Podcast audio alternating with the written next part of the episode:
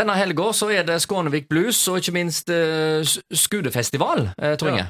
Ja, eh, Skudefestivalen det er en kjekk festival, vet du. Det en, eh, kan, Du som eh, liker kystkultur. Ja, det er litt gøy. da. Altså, egentlig, eh, Skudefestivalen den begynner jo som eh, et eh, kystkulturarrangement. Det var et eh, Karmøys svar på havnedagene.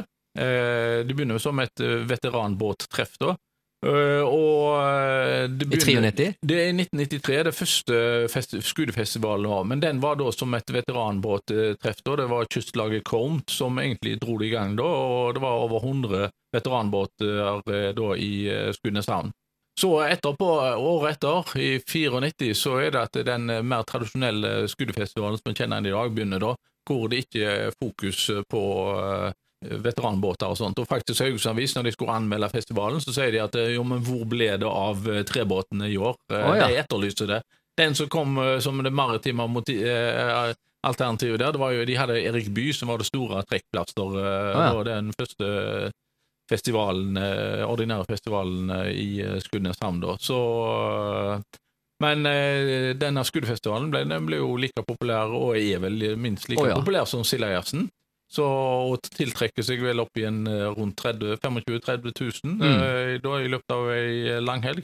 Så det var jo flere festivaler som begynte på Karmøy eh, på den tida. da. Du har jo Vikingfestivalen. Den, begynner, den første Vikingfestivalen på Karmøy den begynner i 1993.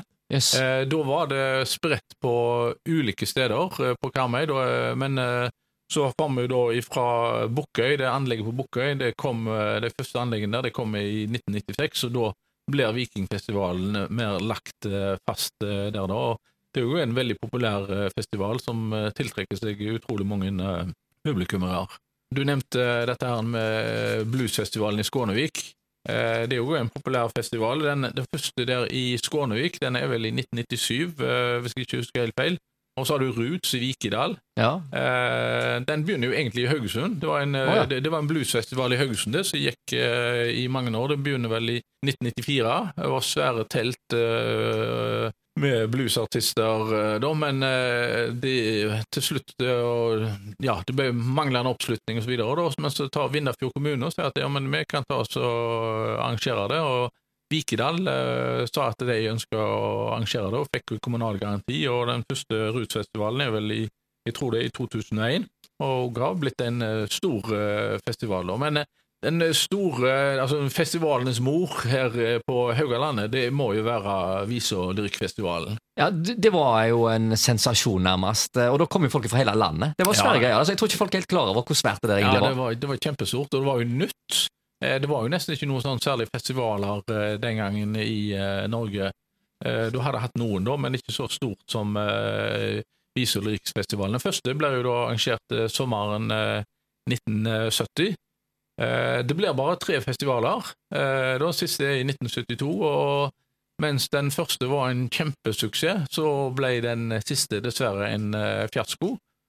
Og årsaken til fiaskoen eh, da var jo at det ble for mye eh, alkohol og faktisk òg innslag av eh, narkotika. Men altså, da Eh, var vi jo midt inne i hippietida, flower power og alt dette greiene, og det kom jo for fullt. Ja. Så det var vel kanskje litt eh, tidens ånd, det der der. Som forventa. Ja. Ja, nei, altså det, Jeg vil ikke si det. Altså, du hadde, I 1970 så hadde du Flower Power, og det, det gikk veldig fint. og eh, Ingen eh, merknader fra politiet, og heller ikke i 1971. da, så Men det bikka eh, over i 72. Det bikka over av ulike grunner, så bikka det over i eh, 1972. Og de satte Haugesund på kartet på en veldig positiv eh, måte. Så Ja. eh, Hadde de kommunen med seg eh, i ryggen, sånn som Sildajazzen har, eller hvordan? Nei, dette ble ikke Det, var ikke noen kommunal garanti. eh, Ingenting? Sånn, nei, men de fikk jo da tillatelse til Og Ja. de fikk jo da områder eh, leid opp i eh, Vangen til å sette opp både telt og så kommunen, for å si det sånn, kommunen satte seg ikke på bakbeina, men det var ikke noe sånn voldsom velvillighet fra kommunen. Det er vel å trekke det vel eh, langt, da. Men, eh, men det så, altså, hva var årsaken til vi fikk og lyrikkfestivalen? En ting er at du, hadde disse entusiastene i, i et gryende eh, visemiljø i Haugesund. Eh, men så hadde du òg Turnfestivalen. Eh, oh, ja. det, altså, du hadde de skulle, I 1970 så hadde da Haugesund Turnforening fått eh, uh, lov til å arrangere landsturnstevne i Haugesund. Uh, og Geir Meling han ville ha litt mer liv i byen, da, og han var òg en av de som da var med og støtte opp om. Uh, og Dermed var det en positiv ting uh, å trekke med. Når det var òg turnstevne, så kunne vi òg ha Eh, at det var vise- og lyrikkfestival. Oh, ja. De slo nesten tingene sammen? Nei, de slo ikke helt sammen, men det var at det, det skapte liv i Ja, eh, det. det, det skapte liv i byen. Og det er jo kanskje noen som har glemt det når vi snakker om altså, festivalens mor. Turnfestivalene var veldig viktige her i Haugesund på 70-tallet. Det ble arrangert i alt eh, seks turnfestivaler her i Haugesund.